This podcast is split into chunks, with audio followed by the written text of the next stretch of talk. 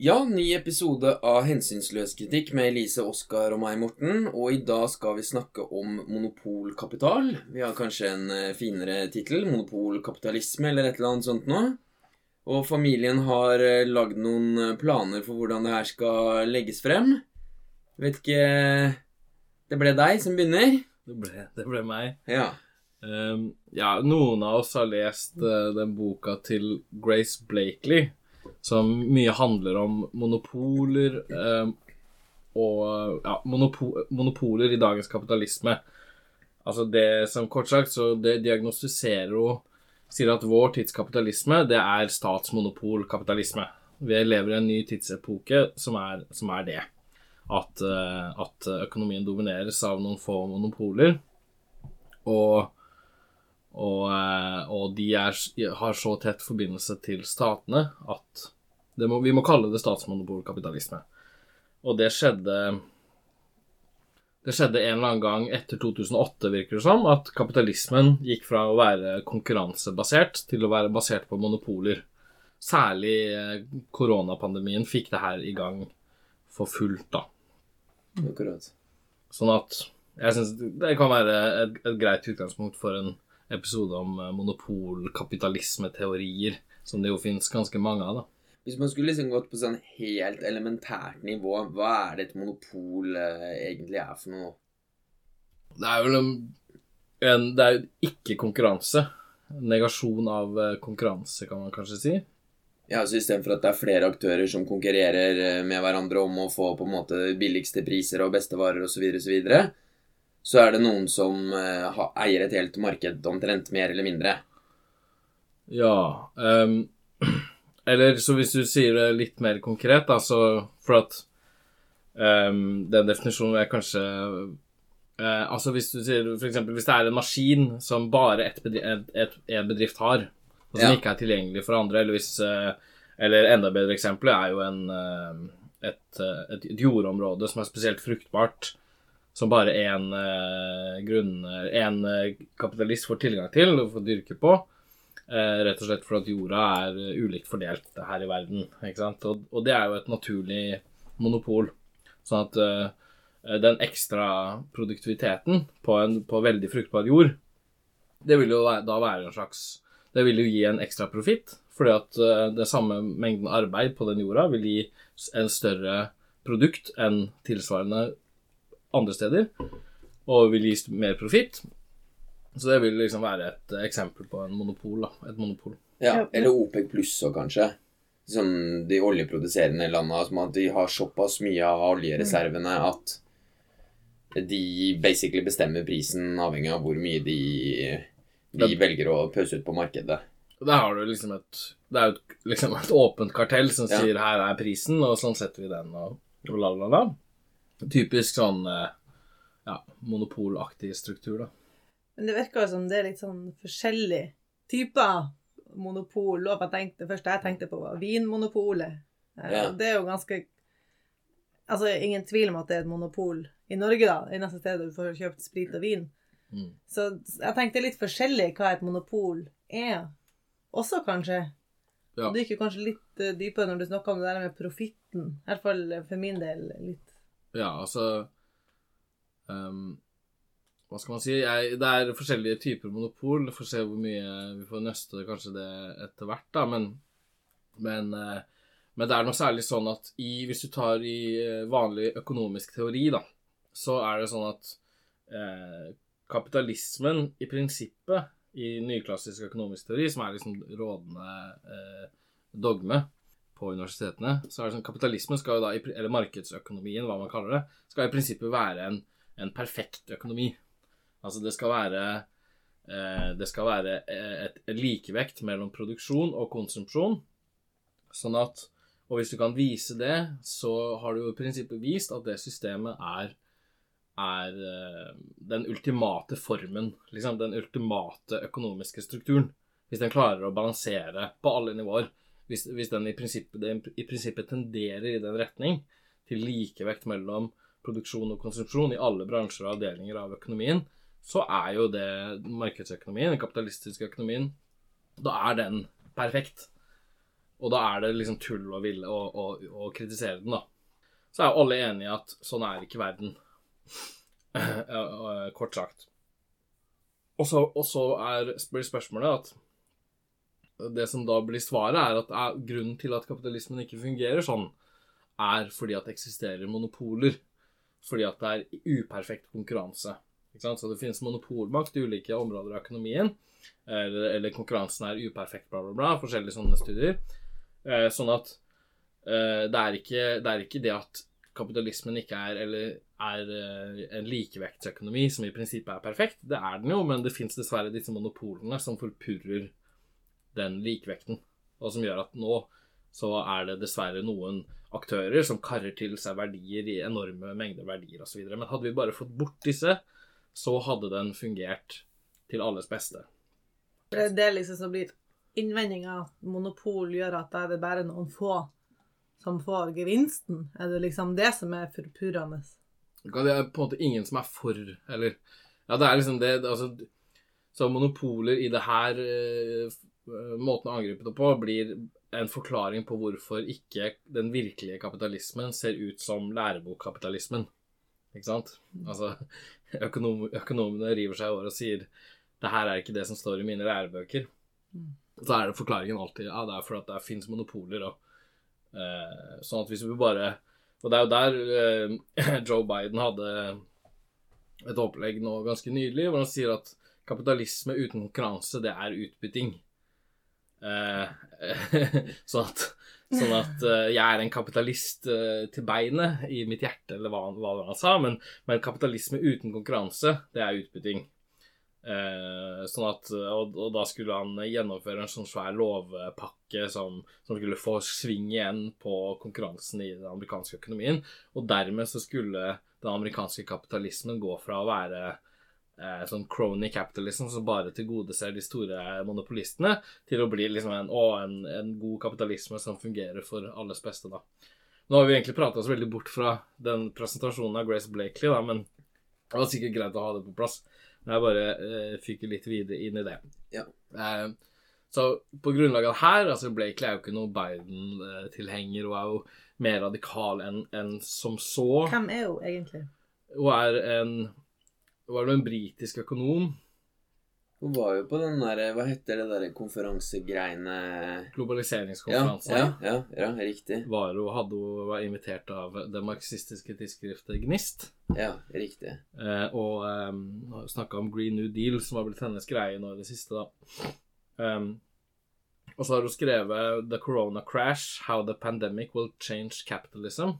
Som da handler om hvordan liksom, pandemien skapte statsmonopolkapitalisme. Og, og hvor hun mener at eh, prøver å beskrive liksom hvordan, den, hvordan kapitalismen med det har forvandla seg til fra en konkurransekapitalisme til en monopol, statsmonopolkapitalisme. Sånn at argumentet kort sagt er at eh, at kriser, så krisa i 2008, men også koronakrisa, eh, er, er, prosesser som sørger for at eh, som får sving i liksom det som kalles da markedskonsentrasjonen.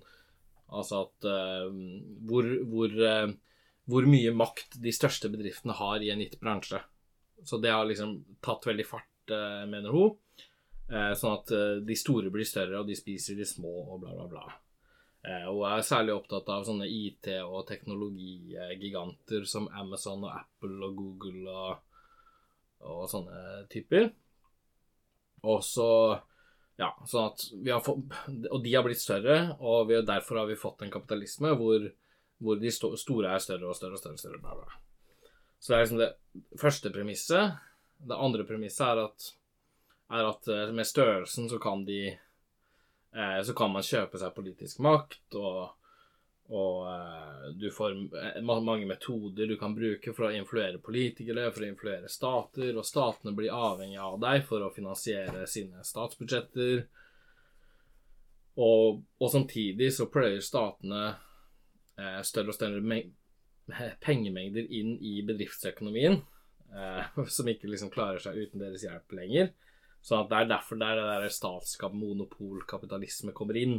Og det blir liksom veldig sånn Det bildet hun tegner, er at det er en sånn slags eh, Det er en liksom mektig kabal av mennesker som styrer verden, da. Um, Men hvis man liksom skulle gitt henne en sånn Gitt henne Hva heter det for noe? Hva er det hadde mest mulig sånn der vennlig lesning av henne? Steel Manning. Ja, eller charitable reading kom jeg på. Han derre Donald Davidson husker jeg vel Ja. lærte om i filosofien, at man skulle prøve å ha en charitable reading. Ja, det er fornuftig. Ja, ja.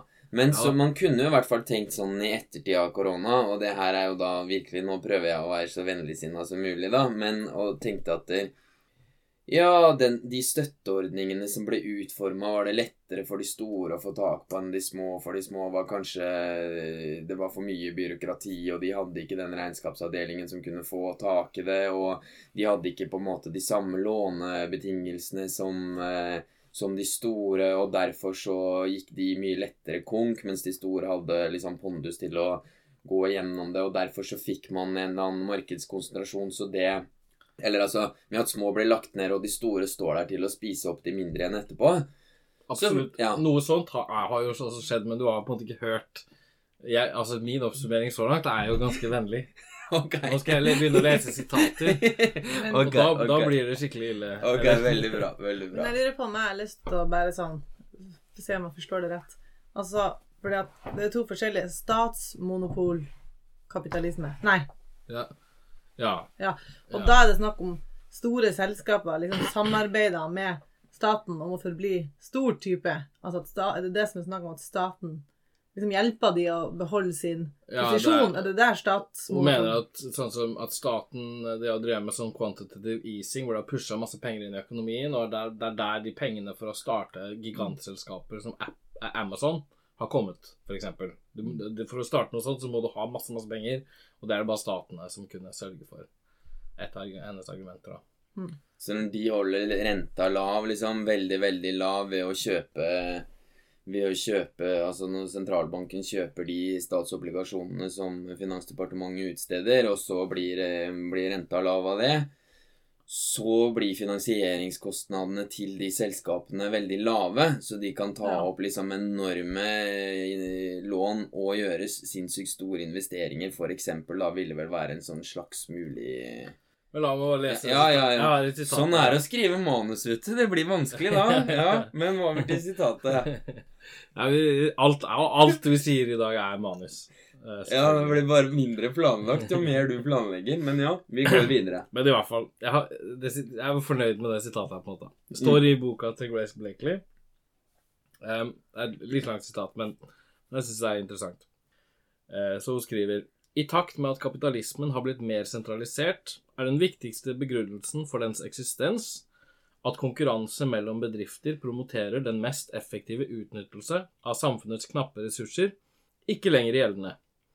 Adam Smiths usynlige hånd er blitt erstattet av det moderne monopolets jernneve, støttet av den kapitalistiske stat. Når markedene domineres av noen få store bedrifter, og når statlig inngripen er det eneste som står mellom en bedrift og konkurs, er det vanskelig å hevde at ressursforvaltningen fremdeles er styrt av fri markedskonkurranse.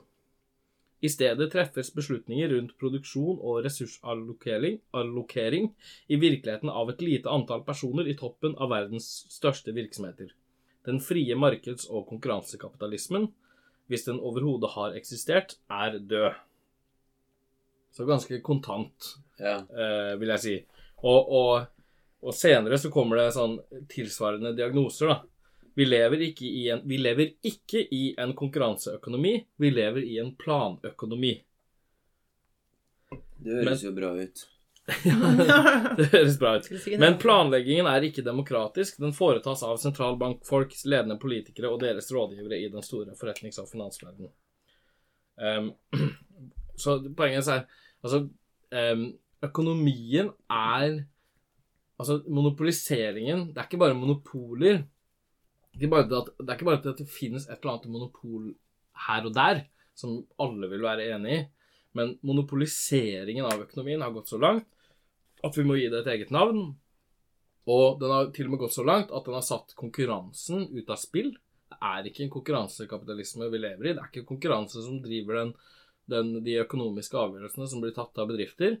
Det er eh, bevisst planlegging av et slags enormt kartell. Det som eh, man har kalt generalkartellet.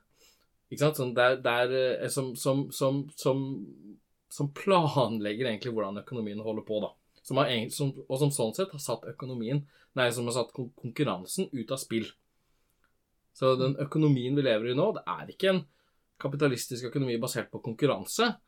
Det er en statskapitalistisk, eh, monopolkapitalistisk økonomi basert på planlegging ved enorme monopoler og karteller. Ja.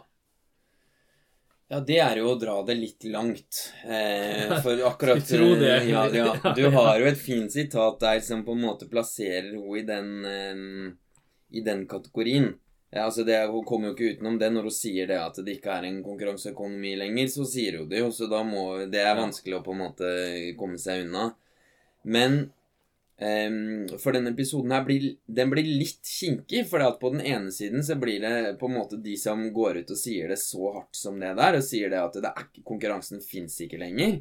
Og så Ja. på den andre siden så har man dem som vil Vi trenger ikke å bruke Nei. for Vi trenger ikke å liksom sko, sko oss for mye på liksom gjøre narr av den posisjonen. For at det er en veldig ekstrem posisjon du tar, og den går egentlig ikke an å forsvare i det hele tatt. Vil Ja. jeg si.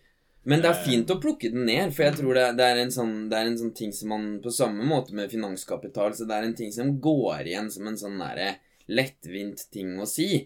Mm. At hadde det ikke vært for det monopolet, så hadde det vært eh, lave priser, og alt hadde vært eh, bra, liksom.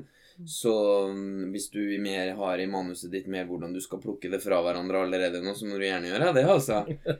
Nei, nei, så manuset strekker ikke lenger enn en dit vi har kommet. Ja, ok, ja, vi er allerede Ja, er hva sier du, Elise? Men ja, altså jeg har egentlig tenkt på en ting To ting, egentlig. Det, jeg kan ta det siste først.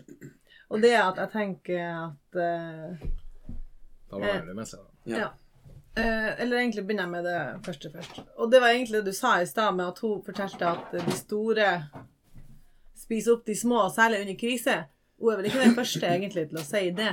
Har ikke hun eh, Naomi Klein nå, den der eh, boka som Vet ikke hva den heter. Er? Sjokkdoktrinen Ja, eller den? Ja. Nettopp. Ikke det noe sånt der det var å skrive at liksom når det kommer krise, så er det de store som overlever, og de spiser opp de små. og det så det er jo noe i, i det at det er jo en slags mekanisme, og særlig under krise, for da får du jo virke, Det er jo sikkert de største som har til og med i kapitalen. Ja, det står til og med i kapitalen. Så det, være, mener, så det, så det er jo noe i Det er jo noe i det. Ja, ja, ja. Ja, så altså, den det er delen er ikke en protest, men Nei. spørsmålet er hvordan de kommer seg dit, da. Ja. Og det andre jeg tenker, som jeg umiddelbart tenkte, det er jo alltid det her når folk trekker frem at det høres ut som det er liksom et få antall personer som styrer hele sjappa. Da føler jeg at det umiddelbart kommer en sånn uggen følelse. Det liker ikke vi. Nei, det, det høres Da føler jeg med en gang at det går liksom på I stedet for å se det på et sånn systematisk nivå og kritisere systemet, så legger de skylda på noen få. Og det tenker jeg litt sånn linje til når vi snakker om populisme nå, da. At du da liksom har noen eh, store slemme som er liksom skylda bak Ja. Verdens problemer, da. Og at jeg får litt sånn samme følelse av akkurat det, da. Selv om hun selvfølgelig er litt ekstrem posisjon. Og når jeg sa kabal av mektige folk og sånt, nå, så er det hennes uttrykk eh, Hun Ja. ordlegger seg sånn helt, helt selv, og det er bare å lese den boka der. Men, Ja, det er spesielt. Så den, den går jo veldig langt. Så det er helt klart at kriser konsentrerer markedsmakten til de store bedriftene og sånne ting. Det er jo alle enig i. Mm. Eh, Men det kan jo like gjerne være som et resultat av konkurranse. Ikke Ja. sant? Det kan jo være det at det er først når det blir satt på spissen at de som er konkurransedyktige, virkelig viser seg som at det å drive, drive konkurransedyktig har noe å si, da. Altså i et sånt et økonomisk klima der, der eh, du kan på en måte få til eh, Du får det til å gå rundt på et eller annet vis Mm. med den lille butikken din. Ikke sant? Selv om du da aksepterer at du har lavere enn gjennomsnittsprofitt, men du vil for guds skyld Mm. ikke ha en sjef. Eller altså alle har veldig masse folk har jo sånne drømmer om å drive for seg selv. Men det er jo først når det blir satt press på det, så, så, så profittratene til alle en periode går ned. Det er jo da du liksom eh, innser det at ok, nei, men det her var faktisk ikke en butikk, det var en hobby. Sånn som de bøndene nå, eksempel, som sutrer og bærer seg over at renta bare kommer bitte, bitte litt grann opp fordi at de har lånt seg til pipa for å kjøpe Altså, ja. Men jeg tenker sånn generelt, da er det jo veldig mange tror jeg, i Norge sånne bedrifter på små lokalsamfunn som egentlig ikke er bedrifter for å gå med overskudd. Det er mer for at Mhm. lokalsamfunnet skal ha en butikk. Ja. Eh, Sånn at det, du har jo den typen nå. Det er ikke heller en hobby. Det er på en måte bare Vi trenger en butikk her. Og Ja, ja, ja, men da blir det stress i en krise, selvfølgelig. Ja, da blir det da, når folk eh, vanskelig. sparer inn på, Mm. på innkjøpa, eller hva det nå enn måtte være for noe, da. Det at en bedrift går konkurs og blir kjøpt opp av en fiendtlig konkurrerende bedrift, det er jo nettopp et uh, kjennetegn ved konkurranse av, på konkurranse. Uh, Ja. Og, og det, det tar det jo i en helt annen retning. Da er det jo ikke et, en økonomi som er totalt kontrollert av et generalkartell styrt av et, en liten kabal mektige personer som liksom tar sånne avgjørelser eh, helt bevisst. Men sant, det er en kaotisk prosess. Masse, masse bedrifter går konkurs, og så er det noen sånn som bruker den muligheten og kjøper opp og, og får masse billige eh, innkjøp på, det, av det, og som skor seg på det. Og sånn fungerer det nå, nå en gang. Men det jeg tenker litt sånn, for vi har jo lest noen artikler til i dag, og det er det blant annet en av han Ansgar Knolle Grotusen. Grotusen. Ja. Lite av et navn, ass. Um, ah, ja, tysk, tysk og fin eh, Ja. Tysk og fin marxist der. eh, men det jeg tenker at det er kanskje litt interessant det her med definisjonen av hva et monopol er. Det er kanskje noe der og det kan skape litt problemer, da. Men jeg lurer litt på, for han i sin artikkel som heter 'Monopol og konkurranse', henviser han jo til Lenin. Ja. Eh, og sånn som jeg forstår det han skriver, så mener han at Lenin hadde en dårlig, vers nei, dårlig definisjon av monopol. Ja. Og det går an å kanskje nevne litt om det, bare for å si en, noen andre som har snakka om monopol, og kanskje heller ikke helt Ja, bruker det- rett definisjon, da. Ja, det er litt skummelt, det der, altså, hvis vi skal sitte her og kritisere Lenin, liksom. Så nå håper jeg du er smidig i svaret ditt, for det kan fort bli Vi går, kleint. vi går Ja, forsiktig Ja. her, men jeg vil si um, Jo, altså Det er jo det at Det som i hvert fall er verdt å påpeke først, er at det med statsmonopolkapitalisme er jo ikke noe som Blakely fant opp. Det er noe som Det er liksom en Særlig på 70-tallet så var det noe venstresida snakka mye om, da. Eh, og i, i 1975 og utover så kan du se både i SV, SVs første prinsipprogram, så, så sier det at den kapitalismen som eksisterer nå, det er statsmonopolkapitalisme. Ah, nice. Og i NKP sitt eh, program så står det, og i AKP sitt så står det. Sånn at det var linja, ikke sant? Og det var linja på eh, den norske venstresida da, og utover. Um, Bortsett fra kull. For der husker jeg det sto kommentert at Det kommunistiske universitetslag De var sånn Motsetningen går mellom arbeid og kapital, ikke Ja. mellom monopolkapitalistene og de Ja. og det er eh, all ære til kull for det, ikke sant? De, de gjennom, gjennomskua det der, men, men, eh, men, ute, men de var jo en liten universitetsgruppe, tross alt. Tross alt. Eh, men det, ikke at det tar fra de den, den, noe av det der, da. Men i hvert fall så på liksom den masse Hva skal man si masseorganiserende venstresida, så handla det mye om statsmonopolkapitalisme. Ja. Og det er litt um, Litt interessant at Blakely nå sier ah, etter 2008 så ble det statsmonopolkapitalisme, og så vet hun jo at det her er et begrep som, Ja. som oppsto før, og som har en slags forankring i Lenin osv. Mm. Um, så Lenin-greiene Mm. um, Så jeg vil si ja, det, det her kommer jo på en måte fra Blant annet i imperialismen så Så har han eh, noe Altså er, eh, du har Rudolf Hilferding, egentlig, som er liksom den store teoretikeren i det andre internasjonale. Som, som eh, har en bok om finanskapitalen, hvor han liksom beskriver de tinga her. da Han bruker uttrykket generalkartell, som hun Blakely støtter seg på og sier at vi lever i en monopolkapitalisme. Og veldig egentlig alt, akkurat det samme som Blakely sier, sier Hilferding også. At det er ikke konkurranse lenger, det er monopolplanlegging. Han mener derfor at Derfor at, um, at kapitalismen egentlig har gått over fra å være kriseprega til å bli krisefri. Og, Ah. og, at, um, og at det går an at liksom At den kan utvikle seg harmonisk. Sånn at han blir liksom korsfesta av eh, ja, av, av kritikere for å være en sånn harmonist som mener at kapitalismens motsetninger har blitt oppheva, og at nå er alt fred og harmoni, og at eh, Ikke sant? Sånn. Ja, for gjennom at monopolene er nettopp den der at du kan planlegge fordi at det er så store Mm. At de styrer såpass mye av markedet, så kan man ta liksom eh, Sånn avgjørelser der man ser bort ifra kortsiktig profitt, bla, bla, bla, bla, bla, og da unngå en del av sånn plutselig overproduksjon, plutselig underproduksjon osv. Ja, og de hadde også en, en teori om kriser som var liksom dominerende i den andre internasjonale, og som Hilferding hadde, som handla om at det var disproporsjonalitet i markedene. Disproporsjonalitet mellom sektorer. Så Ja. at hvis du har et generalkartell som kontrollerer alt det her sånn, så kan du eliminere kriser. Så at kapitalismen var blitt krisefri. Men når var det her? Det her er liksom eh, eh, åh, Nå er det Starten av 1900-tallet, Ja, det er starten av 1900-tallet. ikke sant? Så det er eh, og Lenin gir ut imperialismen sin Og det er liksom 1910-tallet. Jeg husker ikke 1907 Ja. Ja. ja. Men over Det er liksom. Jo, jo, jo. Um, ja. Det var liksom en, en svær sånn teoridiskusjon rundt disse her tinga. Um, I hvert fall et tidlig 1900-tall, kan vi si. Ja, det er før russiske revolusjon. Det er eh, presis ja. nok angivelse for oss her i Vi sitter ikke og husker på alle årstallene. Men sånn for de som eventuelt måtte tenke at nå må jeg lese den der Hilferding, er det noe man, noe man må, eller? Jeg har ikke lest den, jeg. Er det, er det noe man uh... Ja, altså eh, Det kan kanskje Jeg har ikke lest den eh, så mye som jeg kanskje burde. Jeg, jeg tror at det, det vil være interessant for å skjønne, henge med på diskusjonene som foregikk i sosialdemokratiet da.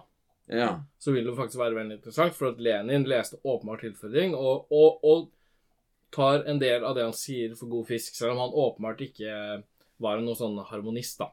ja. Og, ehm, og Lenin er liksom det er liksom en, Han er diffus på en del av de tinga her, da. Mm. Han bruker også begrepet finanskapital, som Hilferding bruker, og øh, eh, han er ikke helt sånn Han har liksom noen artikler hvor han sier at de som mener at eh, den gamle kapitalismen har forsvunnet når, på grunn av den nye statsmonopolkapitalismen, de tar fullstendig feil, og den, den, den kan aldri kvitte seg med de elementene i den gamle kapitalismen som kapitalismen alltid må ha, sånn som konkurranse og sånt noe. Og konkurranse Og han sier også sånn at konkurransen blir ikke borte, den blir tvert imot mer intens. Eh, den blir intensivert og sånn. Så du kan utvikle en liksom veldig sånn strongman-lesing av Lenin som er ikke, ikke nærheten av så ille, da.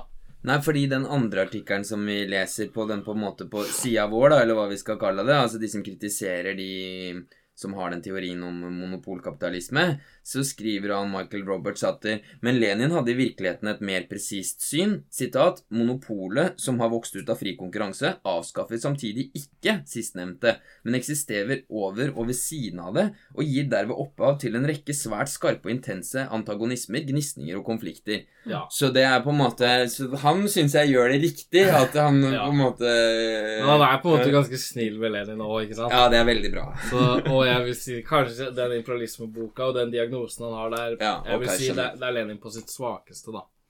Ja, akkurat Eh, såpass, ja. Faktisk. eh, Og, og at uh, det er ting han sier som ja, det, er, det er liksom Altså, Blakely har lest Lenin, ja. og, og det kommer ikke helt ut av det blå. Det er ikke Nei. sånn at hun er, ikke har lest Lenin. Men kan du det lov å spørre hva er det han sier f.eks.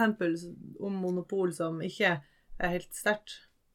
Ja, altså, det er jo akkurat Det ja, Det er jo det at vi har gått over i en fase av monopolkapitalisme og, og den type ting. da, Men det han Morten sa nå, hørtes vel i og for seg greit ut. Altså Spørsmålet blir om han hvor, hvor um, konsistent det er, da, eller hvor, om det egentlig henger så godt sammen. Om han klarer å, om han klarer å balansere den teorien fra monopolkapitalismeteorien til Hilferding, Ja. som han aksepterer, og som han ikke sier et kritisk ord om, Okay. i hele imperialismen i hvert fall.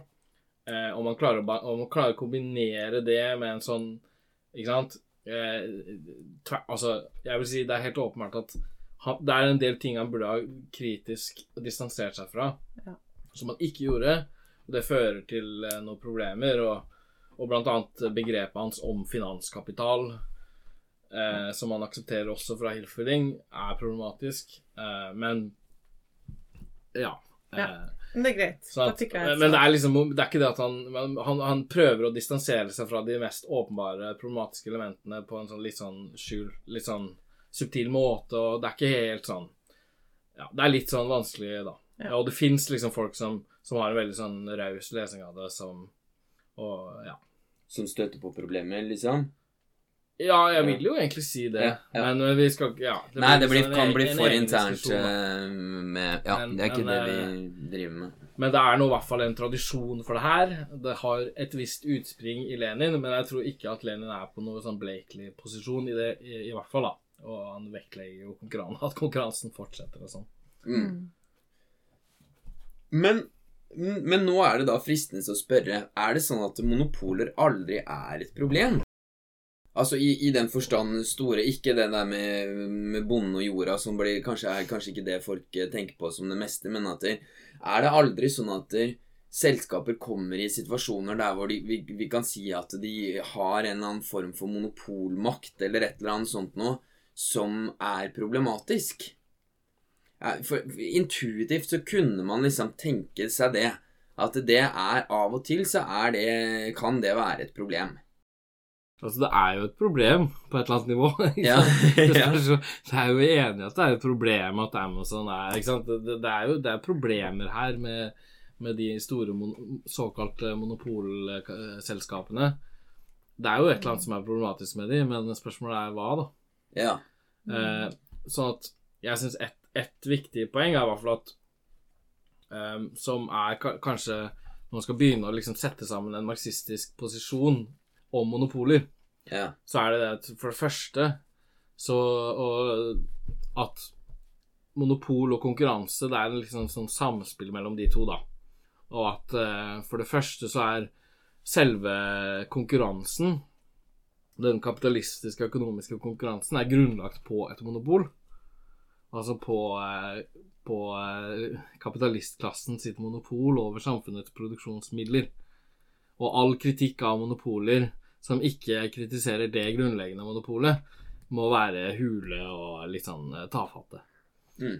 Um, ikke bare fordi, ikke bare fordi at det er det, det grunnleggende monopolet som liksom legger, skaper alle de andre, men også fordi at, som Engels liksom påpeker i et, et, et, tidlig sitat, at, at fordi, ved å rettferdiggjøre privateiendommen, så har du også rettferdiggjort eiendommen til monopolisten.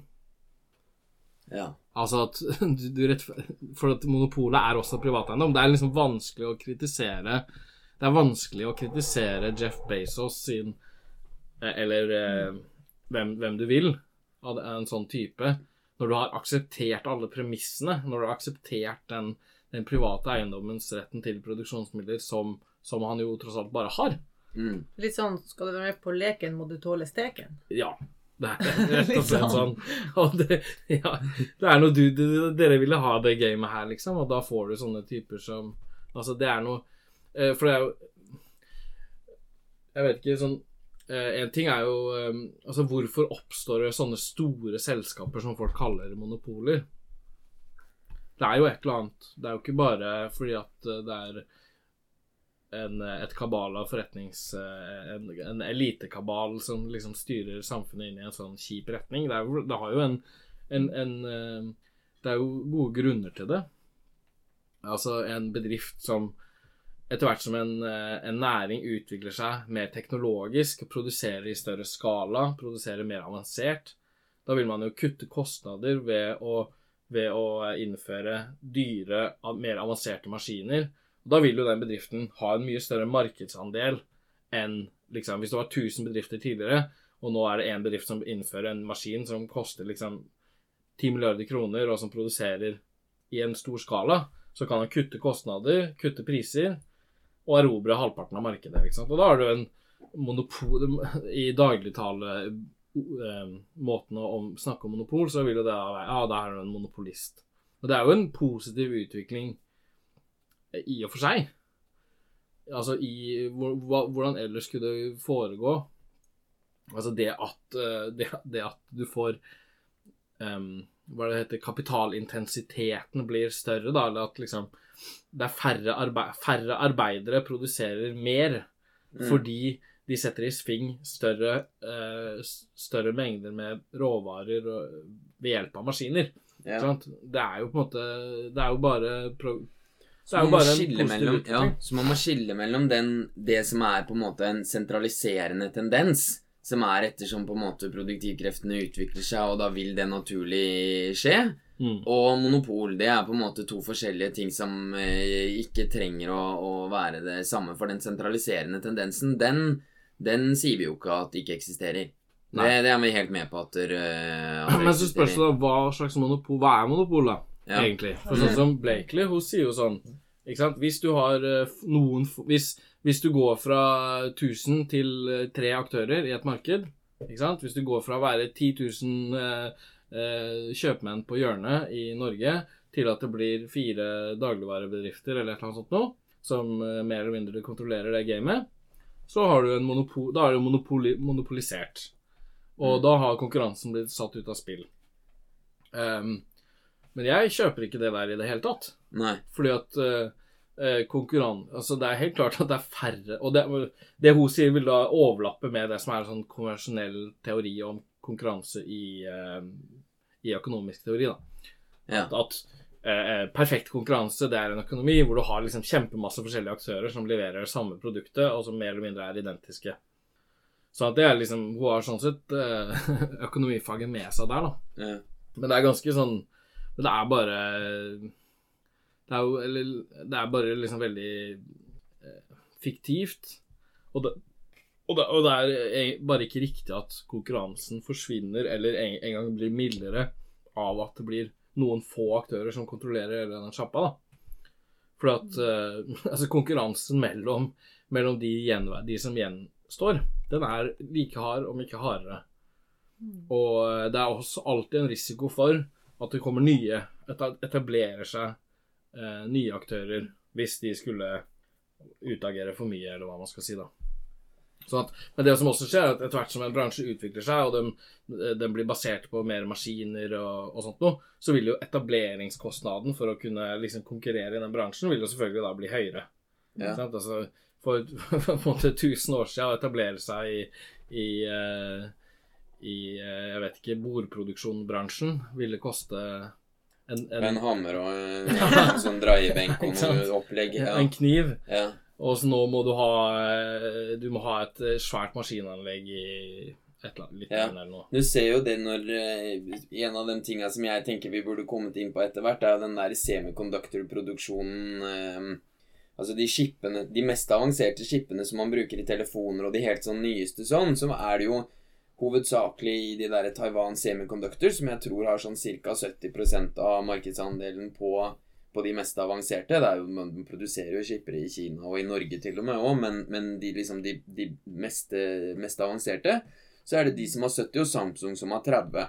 Ja. Og når amerikanerne nå da sånn begynner å lure på Er det ikke litt, eh, litt skummelt at det ligger i Taiwan, og de har jo planer for å brenne ned anlegget hvis Kina skulle annektere det, og det er liksom ikke måte på, da, for de vil ikke at, det- at kineserne skal ta over de fabrikkene, og de er litt sånn paranoide på det. Og når de da skal etablere seg i, i USA, så er det jo da 50 milliarder eh, dollar, altså nesten, nesten eh, 500 milliarder kroner, som staten skal inn med for å subsidiere bare den etableringa av det. Så da begynner du å snakke ganske sånn høy etableringskostnad, da. Mhm. For det, det er jo veldig få kapitalister som på egen hånd Kanskje Elon Musk når han skal kjøpe Twitter, liksom, men det jo, krevde jo litt. Altså, som kan hoste opp 500 milliarder sånn uten videre, samme hvor gode bankforbindelser eh, du har. Mm. Um, men hvor var vi hvor, Hva var det du sa før det igjen? Du var vel inne på noen sånne etableringskostnader og sånt nå, kanskje? Ja, men også konkurransen mellom de var eh, fortsatt eksisterende. Ja, ja.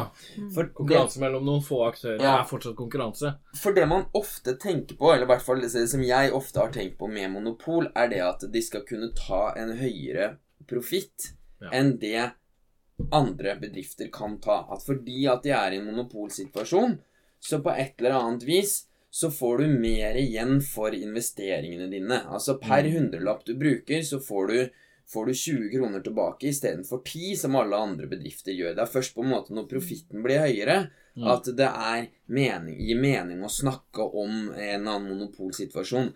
Og da et sånn teknisk begrep som jeg tror det kanskje kunne vært verdt å stoppe litt ved, da, er sånn gjennomsnittlig profittrate, eller altså om du har lyst til å si litt om hva er det det er, eller på en måte for det tror jeg er eh, litt viktig, da, eh, å ha på plass. Ja. Altså, jeg tror det er en helt uh, veldig rimelig forståelse av monopol. og Hvis det gir mening å snakke om det, så må profittraten være høyere på en eller annen måte. Eh, og da høyere enn et slags et gjennomsnitt. Sånn at Profittraten, det blir da Så da har vi Du, tar, du forskutterer en, en kapitalsum, en pengesum, for å eh, opprette en fabrikk som produserer en eller annen, et eller annet, en eller annen vare. Og så får du en, en, en profitt som du som du så setter i forhold til den kapitalsummen, og så får du da raten, profittraten din. Mm. Sånn at uh, du kan eh, tjene uh, større profitt her enn der, men, men, du har investert mer der enn der. Sånn at, sånn at det er hvor mye profitt du får per krone, på en måte. Og tanken vil jo være da at i en økonomi med mye konkurranse, hvis jeg ser det at nei, de som selger øl, de får 20% profitt på ølsalget sitt, og så her sitter jeg og selger snusbokser og får 10 mm. Ja ja, men da vil jeg jo prøve å kvitte meg med de investeringene jeg har gjort i snusbransjen, og komme meg over i ølbransjen, for der får jeg jo 20% på, på på pengene mine, og ikke 10% Og jeg vil jo på en måte Eneste grunn til at jeg investerer, er jo å sitte mer med på en måte mer penger igjen når jeg har, har solgt varene eller investeringene eller hva det måtte være for noe. Og da nettopp det at enhver som har utelukkende et sånn Altså det er jo bare en sånn der, eh, helt vanlig sirkulasjonsprosess der hvor du skal sitte igjen med mer penger enn det du begynte med, og det er helt likegyldig hva som blir produsert i midten, så lenge den pengesummen er høyest mulig på slutten så vil jo da det flytter seg investeringer over i ølbransjen.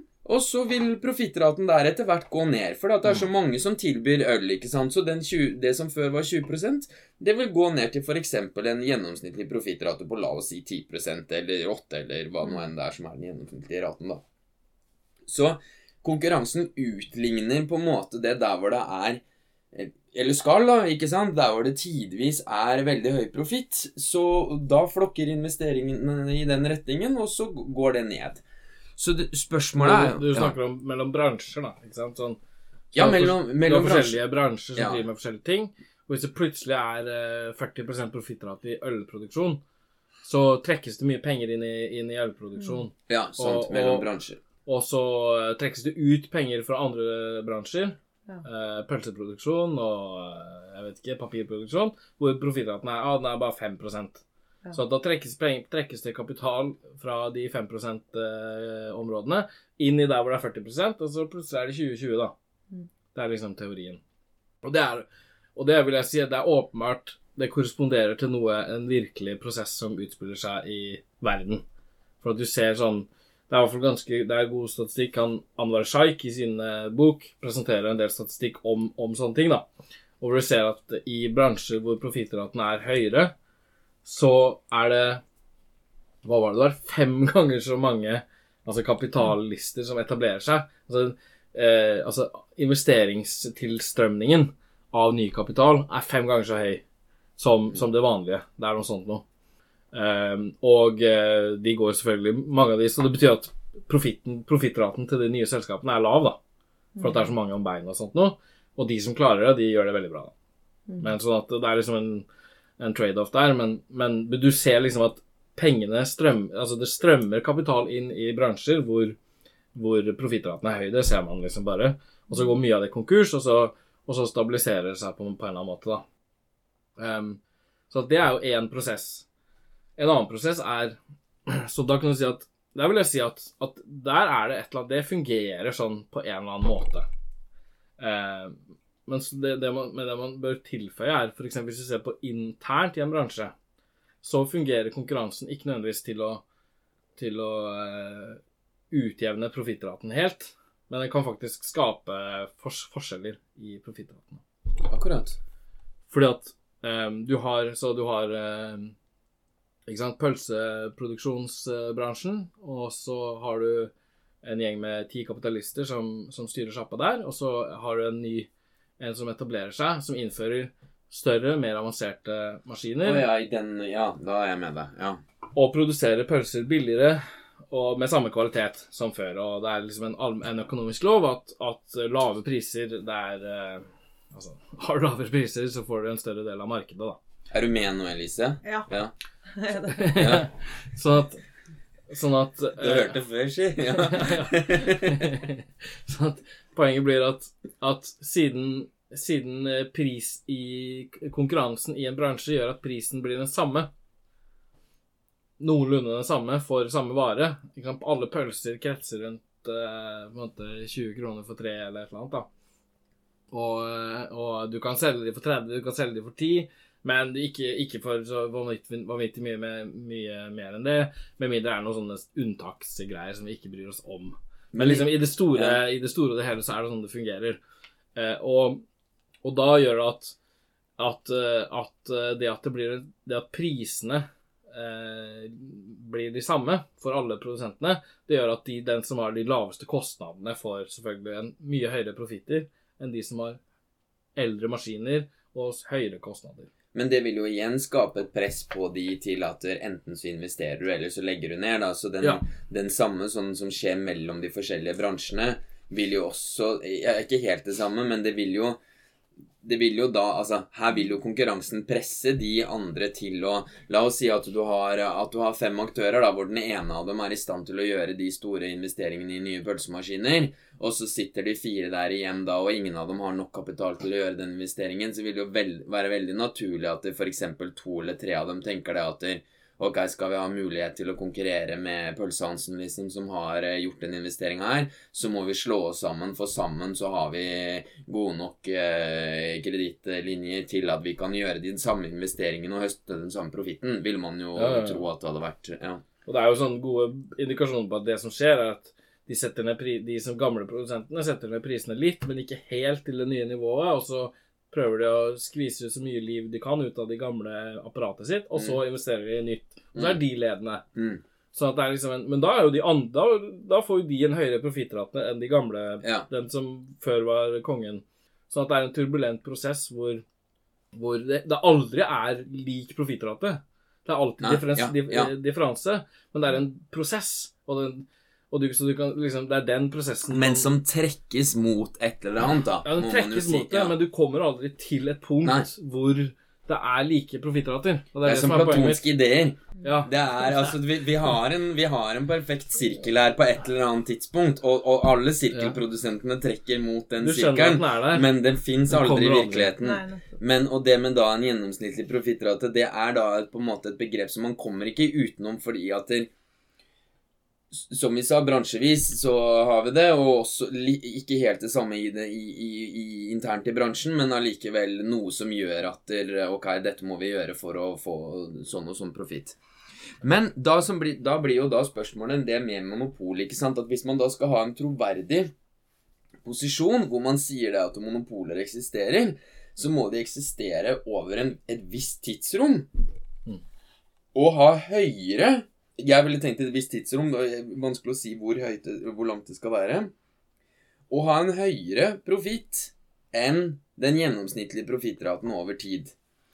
Og at du ikke kan ha det i en bransje, ja, det er kanskje ikke, men også hvis du da som selskap klarer å opprettholde høyere profitt enn snittet over flere tiår, da begynner det liksom å bli et eller annet som i hvert fall empirisk sett eh, ligner på et monopol, da, ville jeg tenkt. At det i hvert fall gir mening å snakke om det i dagligtale, selv om det ikke trenger å være sånn helt teoretisk eh, habilt. Skjønner du hvor jeg vil? Ja, jeg vil tro at eh, Altså, det Jeg tror man må si det, at den beste indikasjonen på, på monopol er eh, ekstraordinært høye profittrater. Ja.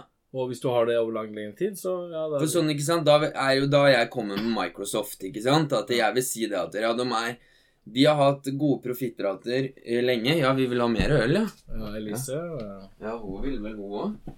Nei, jeg har ennå. Fikk, ikke, fikk ikke øl på konfirmasjonen vi var på her på lørdag. Så. Så fort jeg liksom girer meg opp, så hva vil du ha? Sånn eller noe annet? Jeg? Ja? Jeg tar eh, det samme, egentlig. Men får du den her, for det er eneste jeg vet hvor er. Du får eh, holde det gående, da, Liksom. Men eh, Vi er på Microsoft, jo faen! Hva er det Det var du er på en avledningsmanøver. Nei, kom igjen, Elise. Jeg har snakka mer enn deg. Men, eh, men eh, jeg sitter med litt sånn flere tanker i hodet, egentlig. Men det, det ene er jo at det dere snakker om nå, egentlig er jo ikke monopol i den forstand Vinmonopolet, da. For her er det jo på en måte Det heter ikke Microsoft-monopol, i hvert fall. Nei, nei. Så, men det, vi snakka litt om det i stad. Da, da, her snakka dere om på en måte en annen type, da. Altså, det er jo litt forskjellige måter å ha monopol på, da. Eh, og at det er jo på en måte store aktører. At, men det er på en måte det man sier på dagligspråket, da, som dere sier. Så det er jo kanskje Men hvis du tar Microsoft, for eksempel, da, så er det sånn det er vanskelig å komme seg utenom Word. Så det er kanskje det er, det er, jo empiriske ting som gjør at du kan på en måte si at ja, men har, nå har vi jo Google Docs osv., så, videre, og så, videre, så det kan godt hende at den, den teorien her viser seg å være riktig, altså kritikken av den monopolgreia. Men hvis du ser på de produktene som Microsoft har, og i hvert fall hvis du tenker sånn at du er en bedrift, så er det liksom Det er Microsoft 365, det er det som gjelder. Du har Outlook-kalenderen, du bruker Word, du bruker Excel, du bruker hele det greiene, du bruker Teams.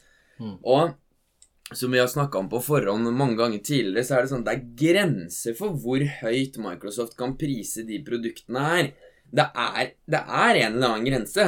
De kan ikke si det at eh, det de tar 200 eh, kroner for i måneden nå, skulle de ta 2000 for i måneden. Da hadde de på en måte skapt en situasjon som hadde gjort at de måtte fått konkurrenter, liksom. For mm. det hadde blitt for dyrt. Men allikevel, så det nivået de er på nå nå skal det sies at Hadde jeg vært, liksom, hadde jeg vært grundig, hadde jeg vært sånn som Oscar og ikke vært sånn sloppy at jeg bare tenker sånn Ja, jeg går inn og ser på Visual Capitalist, og så ser jeg på den lista dem, så sa Microsoft har vært høyt oppe der siden 1999, så tenker jeg ok, det holder for argumentet, liksom. Så for Ja.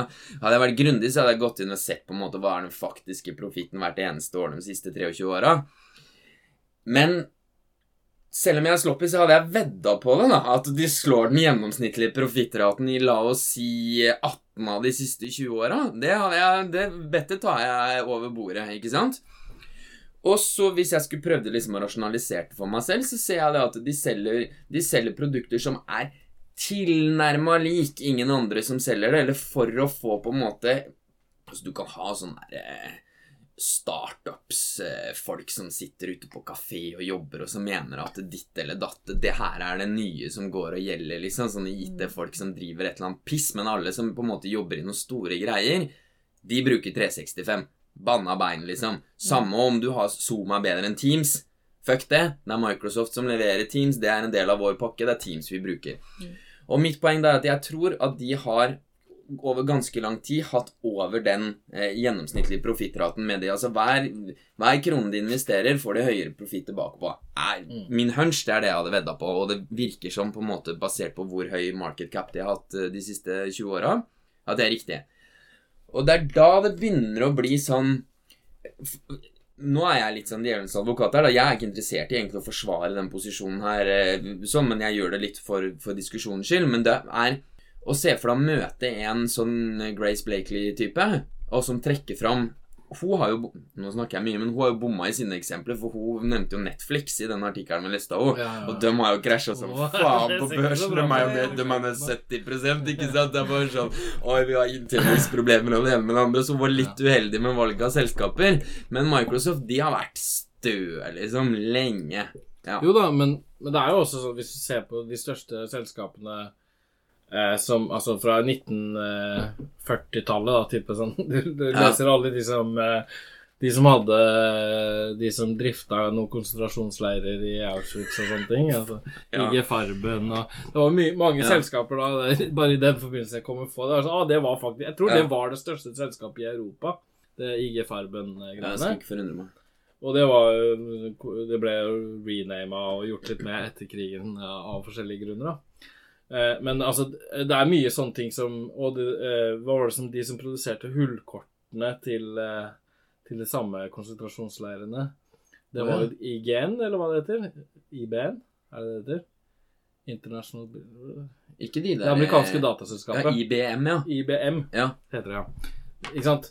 Det er jo ting som Altså, store selskaper faller og, og mm. vokser og egentlig bare det enkle poenget mitt. At ja. det er jo ikke noe sånn at vi har noe sånn eh, eh gode Det er ikke noe godt gode eksempel på at, at At noen har holdt seg i 50-60 år, liksom? Liksom 100 år, nei, eller nei. Altså, det, det, det, de, de, faller og vokser, de her. og i bilbransjen så har, jo, så har det jo slått, plutselig slått seg opp nye Et Ja. helt metta marked, egentlig. Ja, og Så er det- der hadde de jo lave profittrater før. Bilbransjen var jo det var Det var veldig veldig krise. pølsebutikk, liksom. Det var det var veldig dårlig. overalt var det overkapasitet på produksjon Ja, av bil. Altså, Helt til Tesla kom, og de har faktisk høyere profittrate. Så det er et godt eksempel. Ja. Sånn at det er liksom eh, Poenget mitt er at det er det som Så jeg Det, er- det fins monopoler rundt omkring, da. Mm. Så det må man jo bare se på. Men, men, men eh, det er ikke en sånn eh, monopol-kartellsituasjon vi lever i. Og, i. og i hvert fall det at, at det, er, det er liksom hard konkurranse for å, for å beholde sånn dominerende plass i, eh, i økonomien. I, på alle, alle mulige steder så er det liksom den priskonkurransen. Den er fullt i sving, da. Men så er det litt sånn man kan være enig om at eh, monopol er ikke bra, men at diagnosen av hvorfor det ikke er bra, er feil. Altså, vi er enige om at det ikke er bra at uh, Microsoft har eh, for eksempel eh, ja, monopol på på eh, sånn eh, Hva heter det? Dataware bedrifter, da. Men det er ikke det at monopolet fører til at det ikke er konkurranse, sånn som de ofte påstår, da. ja, riktig. Det Men blir det at- riktig. Eh, tvert imot blir det heller en veldig sterk konkurranse, og selvfølgelig det er vanskeligere å komme inn og konkurrere, for du må ha masse mer penger for å komme i gang med det. Mm. For hvis det er liksom Vi er på en måte enige i sluttsetninga, men ikke grunnen til det. Ja, altså det er jo sånn, Jeg er jo enig i at monopoler ikke er bra, for at jeg vil ekspropriere all eh, privateiendom, liksom. Sånn at eh, i den forstand så er jeg jo mot også, også monopolene. Men det er ikke et egentlig monopol i den forstand at konkurransen er satt ut av spill. Det er vel det det egentlig er. Altså Også med Microsoft så er det alltid Det ligger alltid en potensiell konkurranse under som gjør at det som framstår som et monopol, ikke kan oppføre seg som Altså, De kan ikke oppføre seg som en liten gjeng som bare planlegger og skalter og valter på etter eget forgodtbefinnende. For det man, ikke sant, en, en sånn venstrepopulistisk vri på det her ville jo vært at hvis man sa at man ikke ville gå til på en måte roten av problemet og gjøre noe med det her, så sa man at ja, men nå har vi jo plutselig planøkonomi nå. Ja. For vi er jo bare en liten gruppe med, med monopoler som sitter og styrer og steller og ditter og datter. Så da framstår det som at Microsoft kan gjøre alt de vil. Plutselig kan det bli et sånn snilt selskap som hjelper alle menneskene i verden. For de De kan jo bare øke profittratene mer og mer på det de selger her og der osv. osv. At de kan gjøre akkurat som de vil. At de er heva over konkurransens lover. Men det er jo det det viser seg at det, det kan de ikke. De har kanskje hatt et litt høyere eh, enn snittet over en, et godt tidstrekke, men det er hele tiden en trussel om at det kommer til å komme en konkurrent, osv., osv., og, og liksom historisk erfaring viser da at det, det ryker. Så skulle du ha trada den posisjonen her, liksom, så kan Det er fortsatt indeksfond som går og gjelder, der hvor du har det spredt overalt. Det er ikke noen grunn til å tro at, der, eh, at de skal gjøre det for all framtid bedre, da. Det er sånn også, kan, det er jo sånn eh, han eh, Anwar Shaikh, da, som har en eh, 1000 siders bok, 'Capitalism Competition' og hva den heter. Så har han sånn eh, 30 forelesninger på Facebook. Det er, det er sånn liksom marxisant økonom som holder på med Han er særlig opptatt av konkurranse og, og hva konkurranse er. Så er, i, for, min, for folk som er interessert i det her, så vil jeg absolutt anbefale å ta en titt på det. Og, og ja. Eh, han er blant annet sånn opptatt av at den, den rådende teorien om konkurranse er liksom ganske tåpelig. For at den forutsetter at, at det er uendelig mange bedrifter som driver innenfor en bransje, og de, alle de bedriftene er like. De er identiske. Og eh, de eh, liksom følger priser, bla, bla. Poenget er at liksom, den, det, det fins ikke i virkeligheten, sånn at alt som, alle avvik på det framstår som monopol. Eh, sånn at liksom, Da framstår alt som monopol. Og da kan du alltid si at ah, det er monopolene som er skylda til all jævligheten. ikke sant? Men så han mener å vise at liksom, det, konkurransen fungerer Det er sånn som en realistisk teori om konkurranse, hvis du tar det, og ikke den der eh, fiksjonen som eh, den fiktive, fiktive ideen om perfekt konkurranse, hvis du ser bort fra det, og prøver å utvikle en ja, Hvordan ville realistisk sett konkurranse mellom store bedrifter se ut? Eh, så er det mer eller mindre den verden vi lever i. og hvis du ser på profittratene, hvordan de funger, opererer osv., så, videre, så er det liksom sånn Det er sånn eh, det, det fungerer. På en, um, uh, Altså hva, uh, Var det noe uh, ja, Han ser på sånn for eksempel hvor mange bedrifter som går konkurs i løpet av et år osv. Så videre. sånn nye, nyetablerte bedrifter som går konkurs. 70% av alle bedrifter går konkurs i løpet av fem år. Sånne ting. Også, også at profittratene til ja, Profittраteundersøkelser av store bedrifter viser også at det liksom, de tenderer til å ha lavere profittrate enn Ja. små, mindre bedrifter. Eh, faktisk. Og, men det har, har å gjøre med at de setter ned prisene for å erobre markedsandeler. Amazon-strategien. Ja, ikke sant? Og det er liksom eh, sikkert eh, Hva skal man si Kunne finne på et uh, mye eldre navn for den der. Det der. er, Ja, ja, ja. Men de er kjente for å gjøre det. da De er kjente for å ha dårlig profittrate, fordi de kjøper opp så masse konkurrenter ja, som de sånn, ikke eh, får noe ut av. Men. Men det vokser og vokser. Men sant, det, er, det er liksom noe som Det, det er det, det, er det eh, realistisk konkurranse handler om. Da. Du setter ned Du innfører en, en, annen ny avansert ting som gjør at du kan sette ned prisene dine, men erobre en, jævla, en ut, veldig stor del av, av markedet på den, eh, det produktet. Og så, så begynner Og så får du liksom, den totale profitten du får, er høy, og etter hvert så blir profittraten også ganske bra, da. Ja, for det tenker jeg litt sånn når man snakker om konkurranse ja, Litt sånn til denne diskusjonen, for det er jo kanskje noe av det som er veldig interessant her, egentlig. Hva er konkurranse? Da tenker jo jeg at målet med konkurranse vil vel være at alle vil Du vil bli størst og best på det området. Så det tenker jeg Målet med konkurransen er å unnslippe konkurransen. Ja, ja, ikke sant? Du vil vinne et, et marked Ja, eller sånn, i hvert fall du vil bli størst. Og da tenker jeg at jeg syns det er litt sånn rart, sånn som Biden, da, det du snakka om. Eh, det han hadde sagt. For jeg syns det er så rart at ikke tilhengere av eh, liksom den perfekte kapitalismen også da liksom skjønner at men da må det nødvendigvis føre til monopol. Det, eller At det trekker i den retningen, Ja, for, det ja. konkurranse, da, for at konkurranse handler jo om at noen må bli, noen vinner og noen taper. Ja, ja, ja, ja, jævlig godt poeng. Ja, Ja. tenk at sånn er det jo bare. Men det er det Ja. som er forutsetninga for konkurranse. Du At kan ikke alle vinne. Ja, noen må vinne, og noen må tape. Så da syns jeg det er sånn, for meg bare sånn helt sånn Barneskole, liksom, syns jeg bare det er litt sånn rart at folk blir sånn sjokkert over at man ender opp i en monopol, og at det på en måte der skulle vært forpurra versjon av Eller i hvert fall at noen blir store og vinner, Ja. liksom. Ja, Ja, At det er mm. litt sånn rart. Jeg syns det er litt sånn Og det var så mye bedre når vi var 10 000 dagligvarehandlere, liksom. Nå er jeg Rimjagen, og de, de, de har alt i hele sjappa. Han Peter Thiel han er sånn der eh, finanstype. Han nå sier jo det 'competition is for losers'. Det er liksom slagordet hans. da At målet er jo nettopp det å bli så stor at ingen kan eh, konkurrere mot det. Og da tenk at det er rart at, at du tviholder på det systemet vi har, men du vil absolutt ikke eh, liksom ha det systemet som det kommer til å føre til, Ja, når du absolutt. lar det slippe seg løs, da, på en måte. Det er jo på en måte derfor vi har denne episoden her òg, for at det med monopol er en måte å utvendiggjøre problemene som er iboende i kapitalistisk, den kapitalistiske økonomien, og si at de skyldes bare det, det beklagelige faktum at det har oppstått masse monopoler. Og så later du som at monopol, de, det som de så, du kaller av monopoler, ikke er nødvendige i den samme økonomien. Ja, igjen så har vi en sånn konstruksjon av en eller annen tilstand som fantes før, eller som kunne ha fantes, eller som et eller annet sånt noe. Ja. Der hvor eh, du har en eller annen form for eh, kapitalisme som er så bra og ditt og datt og bla, bla, bla, bla, bla.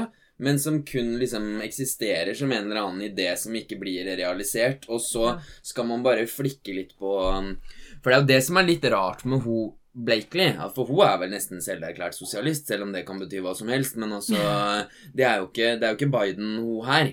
Nei, Hun var jo tross alt på globaliseringskonferansen. Nesten selverklært leninist, vil jeg si, men Men, eh, men eh, Ja.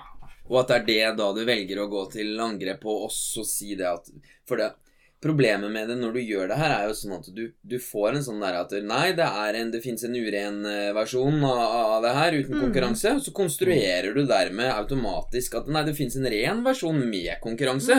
Mm. Og da har vi ikke problem lenger. Skulle vi tatt det norske eksempelet av det her, eller? Ja, jeg syns jo det. det er, vi kan, apropos vi har vært inne på SV og forskjellig. Ja. For vi har da et Dokument 8-forslag om å begrense maktkonsentrasjonen i norsk Nå merker jeg at jeg trekker på smilebåndet allerede, det, det, er ikke bra. Det er sånn vi har sagt at vi ikke skal være. Nei, men det er nydelig. Jeg hører ikke på hver episode. Nei, nei, nei, nei, men det er ikke charitable reading og alt mulig. Man skal ikke håne. Det har jeg, det har jeg lært. Ja, men, men det er altså et representantforslag om å begrense maktkonsentrasjon i norsk dagligvare. Eh, Jeg tror Vi trenger kanskje ikke Noen andre får si om det er konkret hvis vi trenger det. Men her er det i hvert fall da at bakgrunnen for det er at konkurransesituasjonen i norsk dagligvarebransje er ikke god nok, og så vi har Europas høyeste priser, dårlig utvalg, misfornøyde kunder, bla, bla, bla, bla, bla. Eh, bondens økonomi har seilt akterut, og forbrukere betaler kunstig høye priser, angivelig. Og så er det da litt om Norgesgruppen, som vi sikkert skal snakke mer om etter hvert, som også kontrollerer ASKO, og de, Norgesgruppen er jævlig gode, altså det skal de ha, men de er store da, har 42,3% av markedet. Og øh, det ene med det andre, og uheldig for konkurransen når den samme aktøren både produserer, distribuerer og selger maten, mener da den representanten her. Nei, Torgeir Knag Fylkesnes det er snakk om her. Ja, ja. Fra næringslivspolitisk representant i Sosialistisk eh, Venstreparti. Ja, det er vel på en plass å si det. Og så Det er ikke hånende å si det. Nei, nei, det? det kan det ikke være å uttale hvem det er som fremmer forslaget. Det må være lov. Eh, og så er det i tillegg da noe med de der egne merkevarene til, eh, til de kjedene, som angivelig også skal by på store problemer, da. Og så kommer det her eh, en setning som vi kommer tilbake til etterpå, i hvert fall jeg. Matmarkedet er samfunnskritisk, og konsekvensene kan bli store for samfunnet. Derfor bør det være begrensninger på hvor stor en aktør kan være. Og Den første kan jeg jo være enig i, men den andre del av setningen her, altså, det er jo spørsmålet om det er veien å gå, da. Men i hvert fall her, da, så er det da at man ber regjeringa om å komme tilbake med noen forslag om eierbegrensninger i verdikjedene for mat, og utrede et forbud mot egne merkevarer, og kartlegge bruken og prissetting av egne merkevarer, osv., osv., knytta til liksom eh, denne maktkonsentrasjonen i norsk dagligvare. Det er jo en sånn eh, sirkel, hva heter det, sånn eh, framstillingssirkel, at når det begynte i 1975 med at SV proklamerte Ja. teorien om statsmonopolkapitalisme, og endelig så har du liksom fremma et forslag for å sånn, høre sånn. Men kan jeg spørre, bare sånn for å klare opp, når du sier egne merkevarer Da er snakker vi om First Price, liksom. First Price, ja. liksom Extra. Coop Jakobs. Så det er sånn, det som vi handler for å få økonomien til å gå rundt, ja, liksom. Det er de Ja, ja. merkene. Jeg tenker jo umiddelbart at det er jo det, er jo det billigste, så man kjøper jo det. Så jeg syns jo det er rart at det er et argument liksom, nei. mot økonomien til norske husholdninger. Altså, Det kommer til å bli billigere om vi forbyr First Price og Coop Extra, skjønner du, Elise. Det er det som er clouet her. Men det skjønner jeg ikke logikken av. Hvordan var det? Nei, det som her er Det de da mener, da, er at det her er Tror jeg, med litt forbehold om igjen at jeg er sloppy som vanlig, men at det her er et urimelig høyt påslag. Så de får såpass mye høyere profitt på å selge First Price-produkter enn med Gilde. Så Gilde tar vel da sikkert en eller annen kilopris på biffen som de selger videre til Kiwi, da, som er ganske høy. Mens hvis de, hvis de ordner biffen selv med å gjøre det til et First Price-produkt, så la oss si at de da tjener eh, kanskje 12% på den biffen de selger selv, da, og så bare 7% på den andre. Altså, Det er jo sikkert mye mer, for de må jo ha butikk og leie og ditt og datt, men ikke sant? Mm. Det er angivelig da et for, for høyt påslag eh, på um, Det er for profitabelt med egne merkevarer, og derfor så er det litt sketchy, da. Ikke sant? Jeg syns også jeg så han eh, Fylkesnes argumentere i Nasjonen for Altså at, at også var det at de, det er billig i begynnelsen med disse egne merkevarene eh, for at de eh, skal erobre markedsandeler, Mm. og så blir det dyrt. Men da ville jo jeg heller kjøpt det, det som da blir billig, da. Jævlig bra svar. der, har du, der har du på en måte holdt huet hele den eh,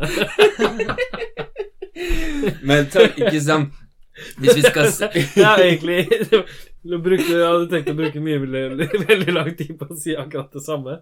Men, Ja, det er veldig bra det poeng, men, men ikke sant, Det som Norgesgruppen er kjent for da med at de kontrollerer hele den. ikke sant, De har ikke bare Kiwi-butikkene. De har også Asko, som er de der grossistene som kjøper inn de forskjellige varene. Og så har de jo De kontrollerer jo liksom nesten frakta helt fra Thailand når det gjelder risen, ikke sant? Og de utvikler jo til og med egne sånne fraktskip, sånn nullutslippsskip, tror jeg de holder på med. Eller er det helautomatisert? Altså, de er de har virkelig kontroll på sakene sine. Jeg skulle ønske at de hadde kontrollert det helt siste leddet òg, at de hadde tatt over flere og flere bondegårder. Så hadde det blitt liksom full styring på sakene, men, eh, men det, er, det, er bare det eneste leddet de mangler, da. Så, og poenget hans er vel da at okay, hvis de har sånn stadig ikke sant? Ved at de er det største og får de billigste innkjøpsprisene, og, og, Rema da etter hvert havner bak, så vil de etter hvert kunne presse både Rema og Coop på priser, så flere og flere kjøper deres eh, produkter. Mm. Og så vil ikke det være mulig for noen å komme inn etter hvert og lage et nytt First Price da. Det er det som liksom er tankegangen. Så de er billig, billig, billig, billig, billig, billig, billig. Og når de har tatt over hele greia, så blir det plutselig jævlig dyrt. Det er samme som er mot Amazon, ikke sant? At de, mm. de kjøper de Distribusjon av forskjellige typer varer De tar over den ene konkurrenten etter den andre, så selv om de er mm. ekstremt gode på prisen nå, så vil de til slutt ha så stor kontroll, er hypotesen da, at mm. det vil ikke være mulig for konkurrenter å etablere seg, og da vil de begynne å heve prisene. Ja, altså, er det mulig å trekke inn sånn eksempel parallelt til strøm. Jeg tenker sånn, For strøm er jo på en måte et slags type monopolisert, er det ikke det? Eller sånn Det er jævlig mange som selger den strømmen, da. Det er mange som selger den, men de anleggene som er bygd uh, rundt strømmen, er det Altså Det står vel litt i den ene artikkelen òg, det her med naturressurser. Og når du på en måte får erobra de hermetegn, så har du på en måte monopol over de.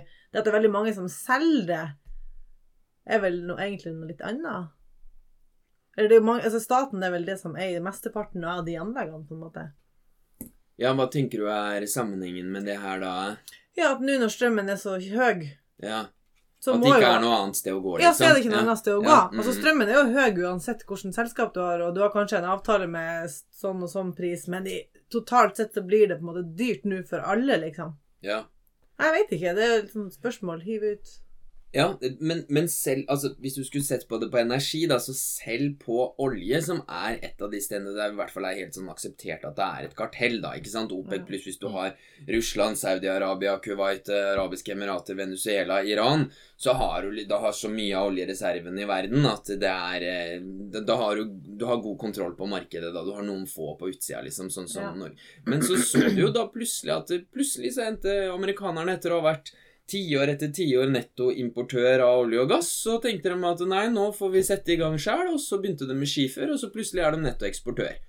Og hvis det, det, kartellet hadde vedvarende hatt en oljepris på la oss si 130 dollar fatet eller et eller annet sånt noe, så hadde det blitt så mye atomkraft rundt omkring. Altså Frankrike allerede er jo der at de tenker at det, da må, Så de, de, de, hadde klart å hatt en, en superprofitt, eller hva vi skal kalle det, i kanskje 10 år, 15 år, fordi at det tar ganske lang tid å etablere atomanlegg. Men hvis alle skjønte at den veien det gikk med OPEC pluss, var at de kom til å høye, holde hva skal vi si for noe, outputen så lav at prisen ble urimelig høy, så hadde det til og med da på energi som jo er veldig vanskelig med, med strøm og sånn å få opp produksjon nok, det hadde tvunget fram sånn som masse atomkraft. da, Så selv der hadde det skapt konkurranse. Og de, Det her er jo snakk om tross alt billige pølser og poteter. Og det er klart når du sier da at du hadde bare gått og kjøpt det billigere et sted, i verste fall da så hadde jo liksom halve Norge begynt å handle i Sverige. Ja. Det er jo det som hadde skjedd da. Det er jo Og, og, og at, at det ikke skal Altså, Det har jo etablert seg jo for uh, eh, 10 år siden, eller 15 år siden. Jeg prøvde jo Lidl å etablere seg ja. i Norge. En ting som jeg må si, er at de samme folka som nå er bekymra over monopolsituasjonen i norsk dagligvarehandel, var jo faen meg mot at Lidl ja. skulle etablere seg i Norge. Ja, sant. Eh, fordi sant. at eh, det er Norge for nordmenn eh, Nei, jeg skal ja, ikke si sånn, ja, men, det var ikke unna. Det var liksom sånn og utenlandsk eh, Norsk kultur, og det var ikke det var måte ikke, på. Nei. Det var helt så billig For det er jo den tyske billig ja, Jeg syns det var fantastisk med Lidl at du og, og, og, faktisk, det var jo noe sånn her eh, Fellesforbundet kalkulering av, av av pensjonsordninger i, i dagligvarehandelen, hvor Lidl faktisk kom seirende ut.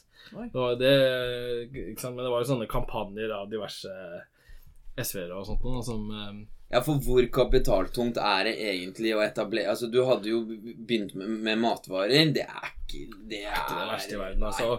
Og det, og, og, men det, det grunnleggende poenget er at liksom monopoler monopol, For at det, du har et monopol, en beskyttelse av konkurranse fra konkurranse som gjør at du kan sette høyere priser og dermed tjene en større profitt. Mm. Det er det et monopol er. Og, og hvis det, det monopolet Så et monopol, etter hvert som det vokser, det provoserer jo også fram konkurranse.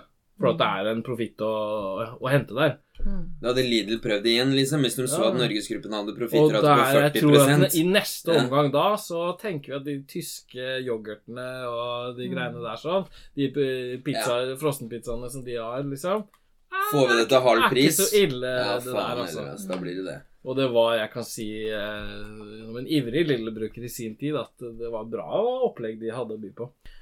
Ja, og Eh, ikke minst hvis man hadde hatt konkurransedyktige ølpriser og sånne type ting. de ikke hadde jo sant? til og med røyk.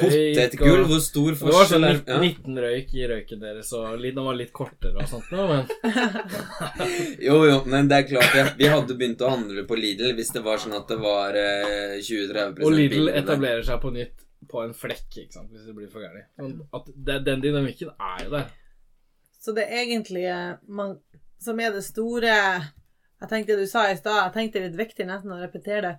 At det som blir det hule i all denne monopolmotstanden, er jo at det opprinnelige monopolet At eh, samfunnets produksjonsmidler skal eies av privatpersoner. Det monopolet. Det er jo egentlig der man må kritisere. Helt enig, for den første setningen han sier, at mar matmarkedet er samfunnskritisk og konsekvensene kan bli store for samfunnet, Ja, det er jo det er helt helt riktig. sant. Det er jo kjempe, Ja. det er jo et stort problem det hvis folk ikke får mat. Så da, når, når du først kommer inn på den setningen der, da, som er en sånn Ja, det, det er riktig. Hvis folk sulter i hjel, liksom, da blir det revolusjoner. Det er et Ja. stort Skal du overlate Ja. det til en eller, annen, en eller annen random privatperson som Ja. har uh, penger å kjøpe for? Men at, det, at løsningen på det da skal være begrensningene på hvor stor en aktør kan være. At du vil ha liksom ti suliker istedenfor tre. At det skal Mm. gjøre saken så veldig mye bedre. Nei. Det er jo helt Så det er veldig sånn Igjen sånn lettvint å gå på sånn såkalte perverteringer av kapitalismen istedenfor å se på hva er det det er som er det grunnleggende her. Mm. Lettvintheter. Å vise Altså, og et seriøst argument for å vise at Altså, det at egne merkevarer at det fører til høyere priser osv., altså det, det virker bare så useriøst. Og Norge det er sånn, De sier at Norge har eh, høyere priser enn resten av Europa og sånt, og det er jo tilfellet. Men vi har jo ikke noe sånn spesielt høyt nivå på eh, egne merkevarer, så vidt jeg skjønner. da. Der vi har sånn 17% av varene i butikkene er egne merkevarer. Og i andre europeiske land er det jo sånn Det er, det er jo Jeg er ganske sikker på at snittet er, er nesten Det er i hvert fall 10% høyere og mer, da. Ja. Sånn at det, det, Da faller jo det argumentet fullstendig. At det er det som skal føre til de ekstra høye Ja, at- prisene. at- ja, ja. Men så blir det jo et problem, for det er sånn OK, så tar du matvarebransjen, da. La oss si. OK, så begrenser du der. Ja, så kommer strømmen, da. Og så Mm. blir strømmen så dyr at ikke folk har råd til det, f.eks. OK, så må du begrense der òg, for det er jo òg kritisk. Og så har du klesproduksjon, da. Ja, folk trenger jo klær å gå i. Og så må du ha begrensninger der òg. Og så har du sko. Å, det er jo òg kritisk. Og så har du Jeg mener, det er jo interessant, for at alt som selges på markedet nå, er jo treng som Det må jo ha en bruksverdi for folk for at du skal kjøpe det. Sånn at du kan jo argumentere sånn nesten på i så fall alle bransjer. Er det ikke viktig at folk skal ha en TV som er ålreit og billig, liksom? Ja. Er det det. Det er det jeg mener. Det blir jo i så fall noe du må gjøre på overalt, da, egentlig. Yeah. Så da, da blir det jo Og da det blir jo ekstremt vanskelig og tungvint prosess til noe du egentlig ikke får nøsta opp i og løst. For at altså, alle de eierne av, av bedriftene vil jo alltid, og må jo liksom dra ut den profitten så masse som mulig, da. Det er jo det som er spillet, liksom. Mm. Så jeg tenker at det, det blir jo veldig midlertidig brannslukking, og du får liksom ikke tatt det som egentlig starta brannen, da. Ja, og det, når det gjelder det konkrete forslaget til herr Fylkesnes, så tror jeg jo ikke at uh, det vil opp... Altså, jeg, det må jo føre til høyere priser. Ja. Uh, Jeg kan ikke skjønne noe annet. Nei, altså, det, det er jo så, det, Selvfølgelig vil det det. Og, og, og liksom og generelt den derre å innvende til en eh, kapitalist, da, at ah, du vil bare senke prisene for å erobre markedsandeler, og, og, og, og så etterpå vil du ha litt høyere priser og tjene masse penger på oss. Det er jo sånn det fungerer, det, da. ja, det er jo det. Sorry, liksom. Ja. Det er jo den verden vi lever i. Det og må- da er det jo som Elise sier, at ja, men da kjøper jeg den billige skinka når den eh, kommer en billigere skinke, da. Ja. Ok. Og det er litt sånn dumt, for det er alt eh, det vi har snakka om før, og litt sånn avsporinger eh, som får folk sitt fokus et annet sted enn der det egentlig burde være. Men det er samtidig et eh, problem som man ser, og som er stort, og det er på en måte enkelt å være med på det. Ja, ja. Ikke sant? Man er jo enig i at den norske bonden skal overleve, og ikke sant? Det er litt sånn sånne ting, da. Så la-la akkurat Ja. der, men Men jeg mener bare sånn Noen, no, norske bønder. Men jeg mener bare Altså, man er, det er en enkel argumentasjon å få folk med på. ja. Ikke sant? Og monopol er skummelt. Ikke sant? Det er jo Jeg, vil, jeg vet ikke Man kan vel si at det er noen sånn her populistisk retorikk nesten der med Ja, altså, vi, vi har jo diskutert det før på en tidligere podkast, Morten, men eh, at eh, Altså, det er entreprenørskap som en slags ideologi, da, hvor du, du sluser jo eh, masse folk i, på ungdomsskolen osv. gjennom sånn at entreprenørfagopplegg, hvor man skal lage egne ting og selge det til folk med Altså slektninger med dårlig samvittighet og sånt noe. Eh, for å vise at eh, hva entreprenørånden går ut på, at, at du kan starte en liten bedrift. Liksom, sånne ting da. Og det er jo for at eh, vi, det som er det Det som samfunnet lever av, er sånne unge fremadstormende entreprenører som starter en liten bedrift og redder verden på den måten. Konkurranse. Ikke sant? Og hvis økonomien da blir slukt opp av sånne svære sværinger, så er det ikke bra. Det er jo på en måte en ideologi som, eh, som, som har en funksjon på den måten, selv om hvor, det, det er jo ikke noe Og at du har på en måte målet da om den her egentlig perfekte konkurransen, da. Det er Ja, det som blir målet. ja. Perfekt perfekt konkurranse. konkurranse. Der ingen skal bli så store at de får uforholdsmessig stor del av markedet. Mm. Men samtidig skal du allikevel konkurrere, da. Ja, men, og spørsmålet er jo da hvilke problemer som gjenstår der. Og det der Biden-sitatet i begynnelsen er jo helt sånn kostelig, i og med at han Mm. bruker ordet utbytting. Ja. Og så later liksom som at å nei, det er ikke utbytting hvis du ikke har monopoler. Men det er, Ja. det er jo helt uh, Han er bare opptatt av av noen store kapitalister som utbytter små kapitalister. På en måte. Ja, det blir Men skulle vi ha tatt Altså, det er den derre eh, Ansgar eh, Knolle Grotusen do- Hvis du skal inn i Ja, ja vi, vi skal inn i Grotusen. Skal vi ha en dopause, da? Da tar vi litt av dopause. Vi var på Ja, nå er vi tilbake. Og vi er på Ansgar eh, Jeg har glemt hva han heter, jeg. Ansgar Knolle Grotusen. Fy faen, det er bra navn, altså. Jo, det er jo på en måte den mest sånn eh, teoretisk raffinerte artikkelen av de som vi leser på, på laget vårt. Og en av de tinga som jeg likte eh, likte best, var på en måte det at Eller hvis, vi, hvis jeg prøver å gjengi det først, så, så, mm, så kan jeg bli korrigert etterpå, men det tror jeg er en eh, grei måte å gjøre det på. At han snakker på en måte om at hvis du skal ha ekstraordinær høy profitt i, til monopolene, så må den profitten komme fra et sted på et eller annet vis. Så da må den gjennomsnittlige profittraten for de, for de andre må gå ned. Og det er jo grenser for hvor lav den profittraten til de andre kan være. For de må jo være Altså, ingen investerer 100 kroner for å få 90 kroner tilbake. Altså, du må få mer enn 100 kroner tilbake, så den må i hvert fall være positiv, og helst litt for risikoen i tillegg. Så det er på en måte en sånn En matematisk eh, ramme for hvor høy en monopolprofitt eventuelt kan være, selv om det er snakk om eh, bare midlertidig.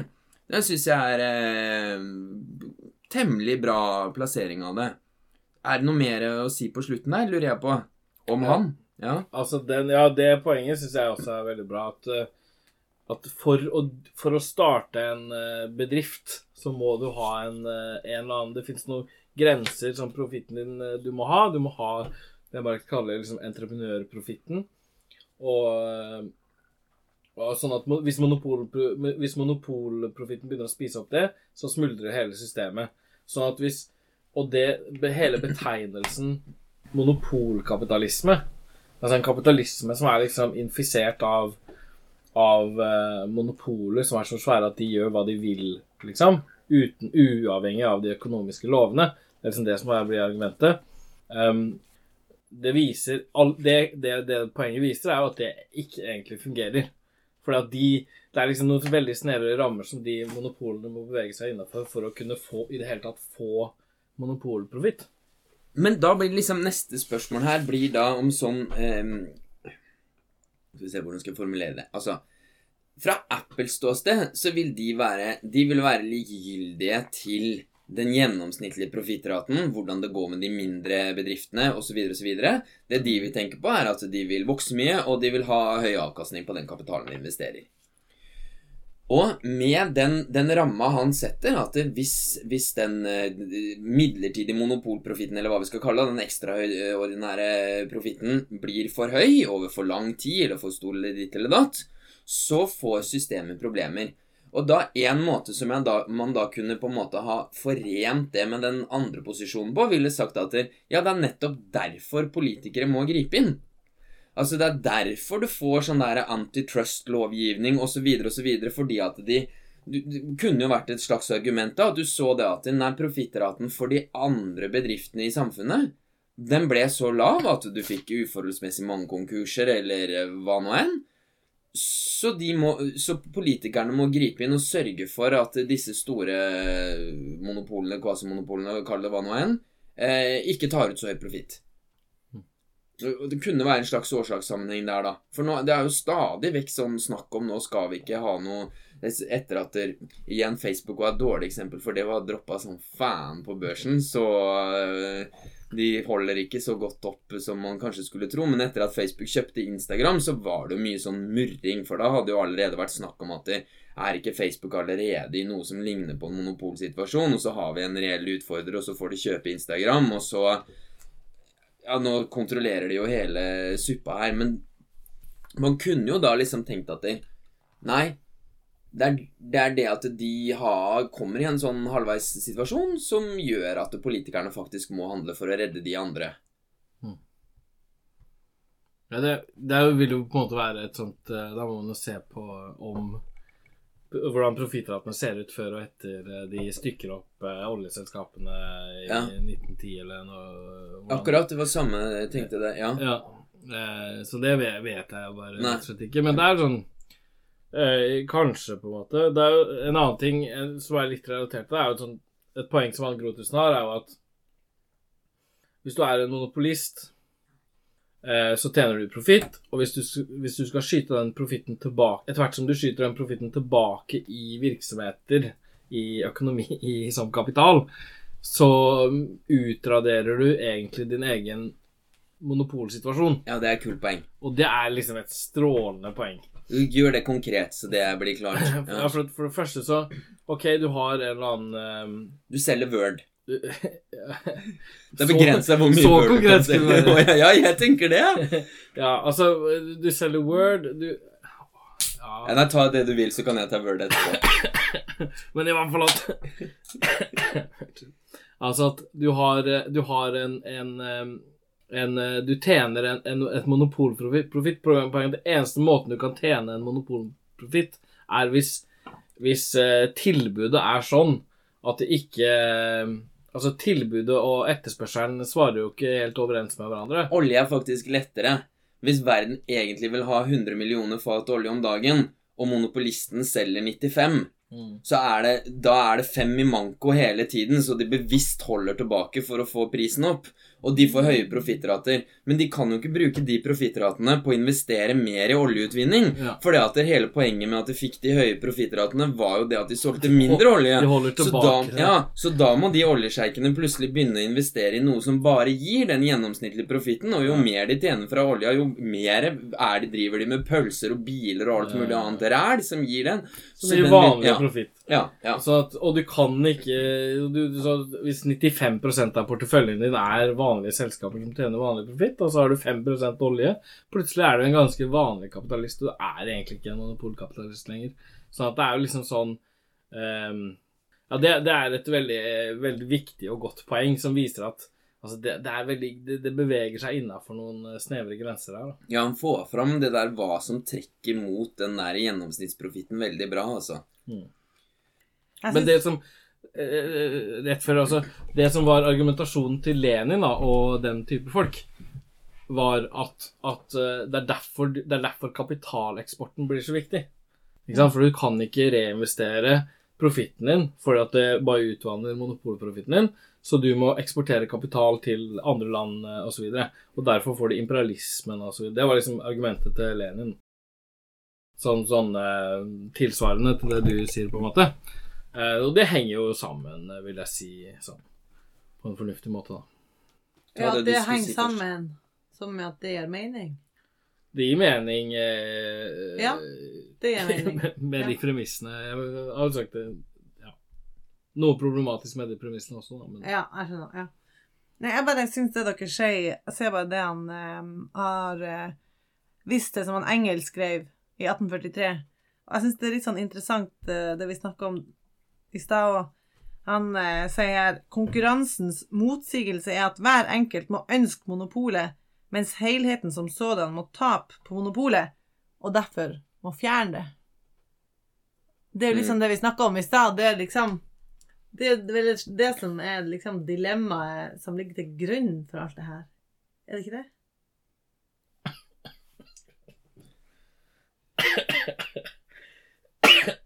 Du har halsproblemer hele faen meg to uker nå. Jeg, jeg, jeg, vet ikke hva jeg skal gjøre med den serven der. Egentlig. Nei? Men at det, det liksom gjenspeiler det her dilemmaet vi står i, med at monopolene oppstår som en nødvendig konsekvens, men ingen vil at det skal oppstå. Ja. Vi lever med den. Er vi sånn at vi var tomme nå, plutselig? Nesten. Ja, altså, jeg du er på ikke... hosteren og Jeg skal gå og legge meg snart. um... Men et annet poeng òg som er vel kanskje ikke så stort, men det er jo det der med at sjøl monopoler på ja, f.eks. Vinmonopolet, da. Det kan nå skape til mer konkurranse i form av liksom mer illegale former, da. Sånn som smugling. Ja. Hvem var det som skrev om det? Jeg tror det var, var det han samme ja. som dere nettopp ja. snakka om. Ja. Friedrich Engels. Ja, var det han som skrev om det òg? Ja, det, det sitatet som han ja. gråter sånn her. Ja. ja. Ja, for det gjør det jo faktisk. Ja. Det, det er et godt poeng, faktisk. og det illustrerer generelt at monopol produserer konkurranse. Altså, du innfører et monopol, og så begynner folk å smugle fra nabolandet, og så undergraves det monopolet. Ja. I hvert fall litt. Så monopol, selv om liksom det formelt ser ut som et monopol, så vil det allikevel eksistere en konkurranse. Ja. Det er Jeg husker ikke det der som Jørgen Sandemose skrev om, eh, om det der med Hvor han gjengir Og igjen også engelsk, men det der om at eh, at småkapitalene og forsvare småkapitalene mot storkapitalen, det kan vi overlate til antisemittene, eller det er et eller annet ja. sånn der i den stilen der, da. Ja. Og, og, det er litt det, da, tenker jeg, som en sånn slags sånn oppsummerende greier, det at det å beskytte den eh, den lille matbutikken som ikke driver like bra som Norgesgruppen, eller eh, en eller annen som bytter mobildeksler, eller hva det nå enn er for noe, det Er det virkelig det som er vår jobb, liksom? Er det det som er jobben, å, å passe på at de som har tapt den konkurransen som de mm. Du veit jo hvordan det er når du sitter og snakker med sånne småborgere på fest. De er jo De hyller jo det der konkurransesystemet opp og mm. ned, og det er ikke måte på, liksom. Og så fort de fucker opp, så skal det liksom Torgeir Knag Fylkesnes hjelpe dem med å Altså, come on! Er det vår jobb å drive og surre rundt i det greiene der? Det må vi nesten bare stole på at de klarer selv. At det er til kjernen av problemet vi vil, liksom. Og mm. ikke drive og dulle med det greiene der. Ikke kom og klag til oss når eh, Ikke sant? Når Nei, faen, vi vil ha first price, vi. Ja, ja. Vi vil ha First Price, vi. Vi vil ha Amazon-levering og det ene med det andre. Billige priser, det liker vi. Og det vil jo Jeg tenker sånn nå, det der med systemet Mark skriver sikkert om det òg. Jeg tenker sånn Altså fordi at eh, kapitalismen som den utvikler seg, blir jo på en måte mer og mer ekstrem, for eksempel. Da, ikke sant? Og større og større monopoler, for de spiser opp og spiser opp. Og når det skjer, så vil det jo kanskje også da bli tydelig at det her ikke er en holdbar måte å måte forvalte jorda på, da. Og da er det jo egentlig det som burde få oss til å innse at systemet er feil. Ikke Og da er det jo veldig lett å ekspropriere det. Mm. Ja, Altså da Når du har Norgesgruppen som da liksom driver proft fra liksom båndleddet og helt til at du kjøper det i butikken, Mm. det er jo et system du kan ta over veldig lett. Men har du 100 000 småhandlere rundt omkring som driver og protesterer og styrer og ordner, så det er mye vanskeligere å forholde seg til småborgerskapet. Mm. Som, men noen få store som driver godt og, og, og profitabelt og rasjonelt, og som har kutta kostnader, rasjonalisert og investert i stort verktøy og automatisert der de kan automatisere og konkurrere på verdensmarkedet på, i noen tilfeller, det er jo kjempebra. Mm. Det er veldig lett å ta over. Eh, altså, for det, det er jo helt åpenbart at investoren spiller jo ikke noe kreativ rolle. Det er jo ikke sånn at Jeff Bezos sitter sånn i Amazon og Nei, dem, her har vi noen problemer med leveringen i det distriktet der og ditt og datt. Ikke sant? Han gjør jo ikke en dritt, han. Han bare eier jo butikken. Mm. Men samtidig så har du da et leveransesystem som er Mm. helt perfekt. Mm. Som er rasjonelt, effektivt osv. osv. Og Der er jo kanskje Lenin eh, bra igjen, på en måte. At det, det er det argumentet han har. At imperialismen det er kapitalismens siste stadium. I den forstand at liksom, kapitalistens personlige rolle i økonomien den har helt ut, åpenbart helt utspilt sin rolle. Eh, alle funksjonene som kapitalisten har, blir håndtert av profesjonelle eh, eh, folk som liksom eh, gjør det ut fra mer eller mindre vitenskapelige prinsipper. Sånn at han er bare blitt en sånn passiv snylter. Mm. Og, eh, og utover det kan ikke kapitalismen utvikle seg, Nei. så da må det komme en ny økonomisk form. Som jobber på en måte litt sånn mot seg sjøl, da, egentlig, når du vil begrense de utviklingene. For at sånn teknologien og alt vil jo bli bedre og bedre jo større de bedriftene blir sånn sett, da. Ja, absolutt. Det mener jeg òg. Det er det at eh, kapitalismen eksproprierer folk fra sin eh, Altså, det at arbeid, personlig opparbeida eiendom blir erstatta med, med, med samfunnsmessig eiendom som Mm. liksom eh, Det er jo en voldelig prosess som, eh, som er liksom eh, strekker seg over hundrevis av år. Uh, og, og mens den, den prosessen som er å bare å ekspropriere de små ekspropriatørene, det er en relativt enkel og konsis oppgave. Så, og vi får jo bare være, sette pris på at kapitalismen gjør den jobben. Ja, nettopp. Skal vi pakke opp der, eller, eller har du noe mer, Elise? Ja, nei, jeg tenkte bare på akkurat det siste Ja. der, at det er litt sånn interessant, for det er jo litt sånn at At um, Ja, altså nettopp det at um, Skal vi se om jeg klarer å formulere det, da. Kanskje du bruker litt for lang tid på det. Nei, det er altså, det er, de som har hørt så lenge, de hører det poenget du ha. Nei, men De Kanskje de gikk- kanskje klarer ikke glemmer noen. Kanskje de ikke glemmer boka Nei!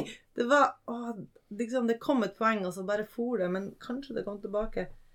Um, nei, det blir jo bare det at, det at du forsvarer at du skal hindre kapitalister fra å bli større, altså hindre monopoliseringa, da har du jo også egentlig legitimert at du også vil hindre monopoliseringa av samfunnets produksjonsmidler som helhet. Egentlig. Har du ikke det? Ja, hvordan da? Hva var det siste der? Ja, så Hvis du er imot at én kapitalist skal drive hele sjappa, Ja. Så er du vel egentlig også imot at nettopp en privatperson skal kunne eie samfunnets produksjonsmidler. Ja, ja, sånn, ja. Og sånn Altså, det ha makta burde- ja. over Jeg bare mener egentlig. Det burde være det. Det burde være Ja. det. Det Det burde, burde være følge logisk. Det jo- burde Ja, du skal det. følge Ja. logisk.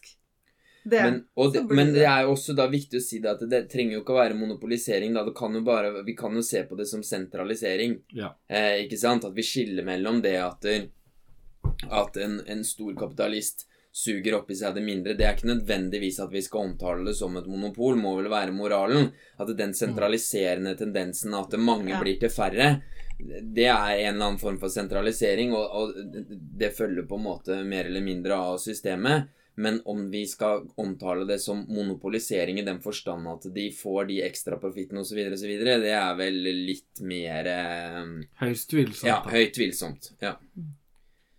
Men at det er noe At det er noe progressivt i det fra perspektivet til et sosialistisk samfunn, det er helt klart. ja, det er helt klart. Det er helt klart. Da kan vi jobbe kort og få mye goder istedenfor å jobbe lenge og få få goder. Mm. Jeg kan sitte lenger, ja, så sier jeg Nei. spør ikke igjen. Nei, Jeg tror vi er der. jeg tror vi er der. Ja, da pakker vi opp.